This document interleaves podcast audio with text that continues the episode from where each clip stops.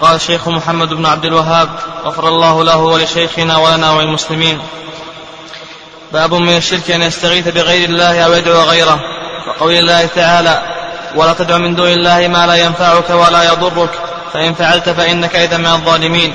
وإن يمسسك الله بضر فلا كاشف له إلا هو. وقوله فابتغوا عند الله الرزق واعبدوه. الآية وقوله ومن أضل ممن يدعو من دون الله من لا يستجيب له إلى يوم القيامة الآيتان. وقوله تعالى أمن يجيب المضطر إذا دعاه ويكشف السوء. وروى الطبراني بإسناده أنه كان في زمان النبي صلى الله عليه وسلم منافق يؤذي المؤمنين. فقال بعضهم قوموا بنا نستغيث برسول الله صلى الله عليه وسلم من هذا المنافق. فقال النبي صلى الله عليه وسلم إنه لا يستغاث بي وإنما يستغاث بالله. طيب بسم الله الرحمن الرحيم. الحمد لله رب العالمين والصلاة والسلام على نبينا محمد وعلى آله وصحبه أجمعين. آه، تقدم لنا ما يتعلق بالاستعاذة بغير الله عز وجل. قال باب من الشرك أن يستغيث بغير الله أو يدعو غيره. من هذه من تبعيضية وقوله أن يستغيث بالله الاستغاثة هو طلب الغوث والغوث هو إزالة الشدة نعم إزالة الشدة. قال أو يدعو غيره. الدعاء هو سؤال الله عز وجل والفرق بين الاستغاثة والدعاء أن الاستغاثة لا تكون إلا من مكروب وأما الدعاء فإنه يكون من مكروب وغيره. وعلى هذا يكون الدعاء أعم من الاستغاثة. قال أو يدعو غيره من صنم وضريح وقبر وغير ذلك. ومناسبة هذا الباب لكتاب التوحيد ظاهرة فإن هذا الباب اشتمل على بيان بعض أنواع الشرك وهو صرف عبادة الدعاء لغير الله عز وجل أو صرف عبادة الاستغاثة إلى غير الله عز وجل وهذا نوع من الشرك. وسبق أن ذكرنا أن الدعاء ينقسم إلى أقسام. يعني سبق أن ذكرنا أن الدعاء ينقسم إلى أقسام. القسم الأول أن يدعو الله سبحانه وتعالى أن يدعو الله وحده وهذا حكمه ماذا؟ ها؟ هذا هو أجل العبادات وأفضل القربات كما ذكر المؤلف رحمه الله الأدلة على ذلك القسم الثاني أن يدعو الميت الأموات من الأضرحة والقبور ها وهذا حكمه ماذا؟ أنه شرك أكبر ذكرنا العلة في ذلك وهي ماذا؟ ها؟ النعمية أن أن نعم. نعم صح. أن أن كونه يدعو هذا القبر هذا يدل على أنه اعتقد أنه يتمكن من الفعل دون أن يباشر السبب. وهذا من خصائص الله سبحانه وتعالى. الله عز وجل هو الذي يتمكن دون أن يباشر. القسم الثالث يعني القسم الثالث أن يدعو غير الله عز وجل فيما لا يقدر عليه إلا الله. فهذا شرك أكبر. القسم الرابع أن يدعو غير الله بذل ورهبة ورغبة لا تكون إلا لله عز وجل. فهذا أيضا شرك أكبر. القسم الخامس أن يدعو الغائب. يعني من يدعو الغائب فهذا أيضا شرك أكبر لأن اتساع السمع بسماع البعيد هذا من خصائص الله عز وجل. القسم السادس أن يدعو غير الله فيما يقدر عليه فهذا جائز ولا بأس به. ومثل هذه الأقسام كما ذكرناها في الاستعاذة نذكرها أيضا في الدعاء كذلك أيضا تذكر في الاستغاثة كما نعم في الاستعاذة والاستغاثة وكذلك أيضا في الدعاء. قال رحمه الله وقول الله تعالى ولا تدعو. نعم. هذه لا هذه ناهية من دون الله يعني سوى الله غير الله. ما لا ينفعك ولا يضرك.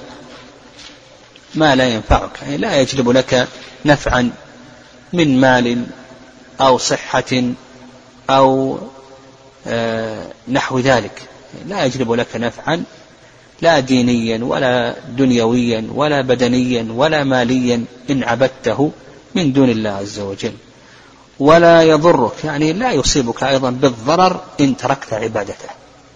إن عبدته لا ينفعك وإن تركت عبادته أيضا لا ينفعك. فإن فعلت إن هذه شرطية وفعلت جواب الشر آه، فعل الشرط. فإنك إذا من الظالمين. أي فإنك في هذه الحالة فإنك إذا من الظالمين. يعني في هذه الحالة تكون من الظالمين من المشركين من المشركين الذي ظلم نفسه بالشرك. ويدل لذلك قول الله عز وجل إن الشرك لظلم عظيم. ومناسبة هذه آه، الآية لما ترجم له المؤلف رحمه الله من قوله باب من الشرك إلى آخره أن فيها النهي عن دعاء غير الله عز وجل وأن دعاء غير الله عز وجل أنه شرك ينافي التوحيد. قال رحمه الله تعالى وقوله وإن يمسسك نعم يصبك نعم وإن هذه شرطية. يمسسك الله بضر يعني يصيبك بضر الضر ما يضر الإنسان. ما يضر الإنسان من فقر ومرض ونحو ذلك. بضر فلا كاشف له الفاء هذه واقعة في جواب الشرط فلا كاشف له يعني لا رافع له إلا هو إلا الله عز وجل. وإن يردك بخير يعني إن يردك بخير فلا راد لفضله لا دافع لفضله سبحانه وتعالى. يصيب به من يشاء من عباده وهو الغفور الرحيم. في هذه الآية يعني مناسبة الآية للباب فيه أن المستحق لأن يدعى هو الله سبحانه وتعالى. لأن الله سبحانه وتعالى هو الذي إذا أرادك بضر أو أصابك بضر فلا يكشفه إلا هو. وإذا أرادك بخير فلا يدفعه أحد. يعني لا يقدر أحد على دفعه. فإذا كان كذلك فإنه هو الذي يفرد بالعبادة. يفرد بالدعاء. نعم يفرد بالدعاء. فدل ذلك على أن الدعاء من خصائصه لأنه سبحانه وتعالى هو الذي إذا مسك بضر لا يكشفه إلا هو. وإن أرادك بخير لا يقدر أحد من العباد على دفعه. فإذا كان كذلك يجب أن يفرد بالدعاء. وأن دعاء غيره صرف لهذه الخصيصة التي اختص الله عز وجل بها وهذا شرك. بل إن الله سبحانه وتعالى في هذه الآية حصر الذي يكشف الضر هو الله. إلا هو. لا يكشف الضر إلا الله سبحانه وتعالى. نعم. ولا يستطيع العباد أن يردوا ما أراده الله سبحانه وتعالى بعبده من خير. قال رحمه الله تعالى وقوله فابتغوا عند الله الرزق. ابتغوا اطلبوا. عند الله الرزق. والرزق العطاء. واعبدوه يعني أفردوه بالعبادة. واشكروا له. الشكر هو الاعتراف بالنعم للمنعم والشكر يكون بثلاث أمور بالقلب وباللسان وبالجوارح. أما القلب فيعترف العبد ويوقن أنها من الله سبحانه وتعالى. وأما اللسان فإنه يشكر الله عز وجل على هذه النعم. وأما الجوارح فإنه يسخر جوارحه في طاعة الله عز وجل. واشكروا له إليه ترجعون. يوم القيامة تردون إلى الله عز وجل فيجازي كل عامل بعمله. وفي هذه الآية وجوب إفراد الله عز وجل بالعبادة.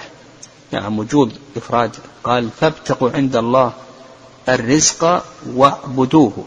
فيه وجوب إفراد الله عز وجل بالعبادة والدعاء من العبادات. الدعاء من العبادات. وكذلك أيضا هذا من وجه من وجه آخر أيضا في هذه الآية وجوب إفراد الله عز وجل بالدعاء لقوله فابتغوا عند الله الرزق. يعني اطلبوا اسأل الله عز وجل.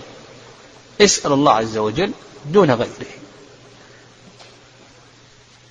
وإذا كان كذلك فصرف هذه العبادة لغير الله عز وجل شرك. ففيه إفراد الله عز وجل بالعبادة والدعاء من العبادات. وفيه أيضا إفراد الله بالدعاء في قوله فابتغوا عند الله الرزق. و نعم. ابتغوا عند الله الرزق. وإذا كان كذلك فصرف هذه العبادة لغير الله عز وجل فإنه شرك. قال وقوله ومن أضل ممن يدعو من دون الله من لا يستجيب له إلى يوم القيامة. من أضل يعني لا أحد أشد ضلالا لا أحد أشد ضلالا. والضلال هو مخالفة الطريق المستقيم. ممن يدعو من دون الله يعني يسأل غير الله عز وجل.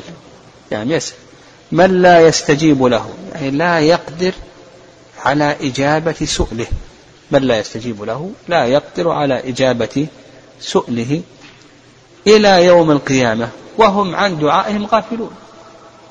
يعني هذه مصيبتان. المصيبة الأولى أنه لا يقدر على إجابة سؤله والمصيبة الثانية أيضا أنه غافل عن عبادته. يعني أنه غافل عن عبادته. لا يسمع دعاءه. وهذه مصيبة ثالثة قال الله عز وجل وإذا حشر الناس نعم إذا حشر الناس يعني جمعوا يوم القيامة كانوا لهم أعداء. يعني هؤلاء المدعوون يكونون أعداء للداعي وكانوا بعبادتهم كافرين يعني كانوا جاحدين لعبادته وفي هذه الآية أن الله سبحانه وتعالى جعل الدعاء عبادة. قال وكانوا بعبادتهم كافرين. والعبادة يجب صرفها لله عز وجل. وصرفها لغير الله عز وجل ماذا؟ شرك أكبر. ومن أضل ممن يدعو. ثم قال وكانوا بعبادتهم كافرين. فسمى الله عز وجل الدعاء عبادة. وإذا كان كذلك فيجب إفراد الله عز وجل به وصرفه لغير الله عز وجل هذا شرك أكبر مخرج من الملة. قال وقوله تعالى امن يجيب المضطر اذا دعاه. ام هذه منقطعه. نعم وهي بمعنى بل. أمن يجيب المضطر المضطر الذي وقع في الضرر أو آه، مسه الضر المكروب الذي مسه الضر. إذا دعاه ويكشف السوء يزيل السوء والسوء هو ما يسوء الإنسان. نعم ما يسوء الإنسان ويجعلكم خلفاء الأرض. الإضافة بمعنى في يعني خلفاء في الأرض. يخلف كل قرن القرن الذي قبله ويجعلكم خلفاء. يذهب هذا القرن ويخلفه قرن بعده خلفاء. أإله مع الله؟ قليلا ما تذكرون. يعني لا إله مع الله سبحانه وتعالى قليلا ما تذكرون.